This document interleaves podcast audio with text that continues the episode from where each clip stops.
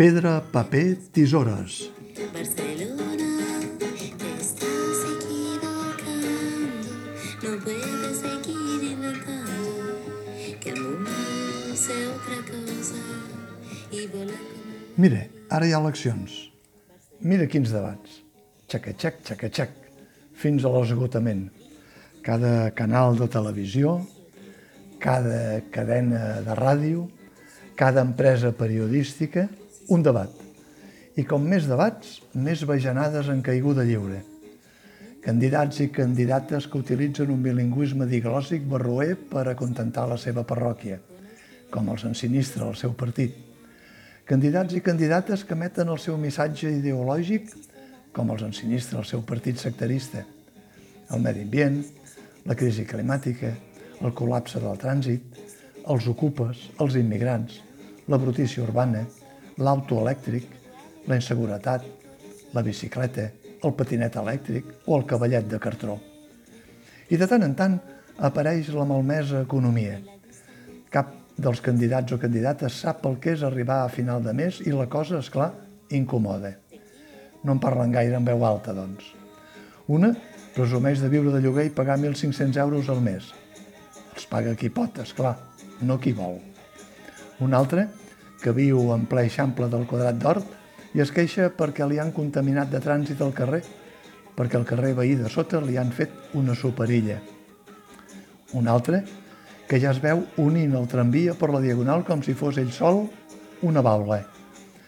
Una altra, que es vanta de moure's en moto elèctrica per la ciutat com un rider de globo.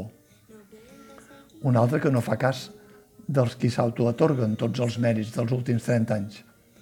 Una altra que adverteix que no pretén escalfar la cadira del Consell de Cent si no és escollit alcalde. Una altra que somia en veure guàrdia urbana, policia, no aclareix de quin color, i guàrdia privada fins i tot el plat de la sopa.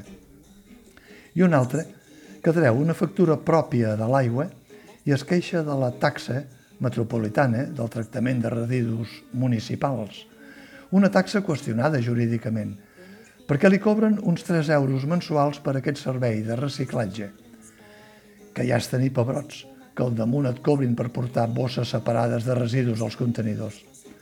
Enfadada, en un espanyol indignat, es queixa la factura d'aigües de Barcelona davant de les càmeres. Es creix, es creix. I aquí és on es barreja tot.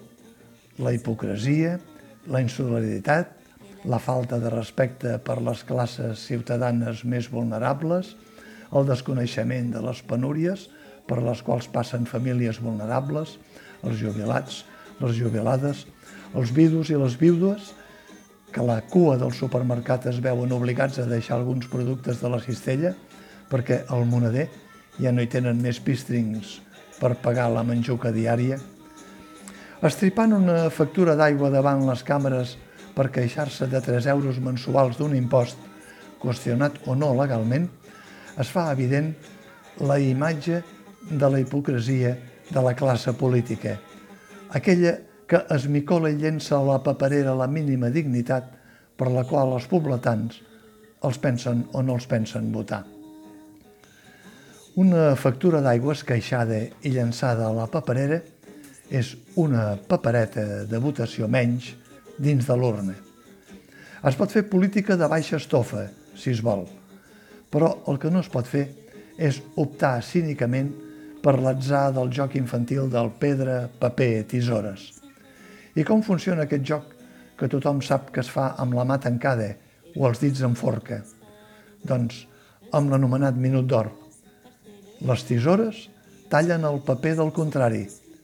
El paper embolica la pedra del rival i la pedra esclafa les tisores de tots els candidats. Ja ho diu el camp polític, quan és un clam, en un joc de ves altes i baixes. Voti, voti, voti, botifler, el que no voti.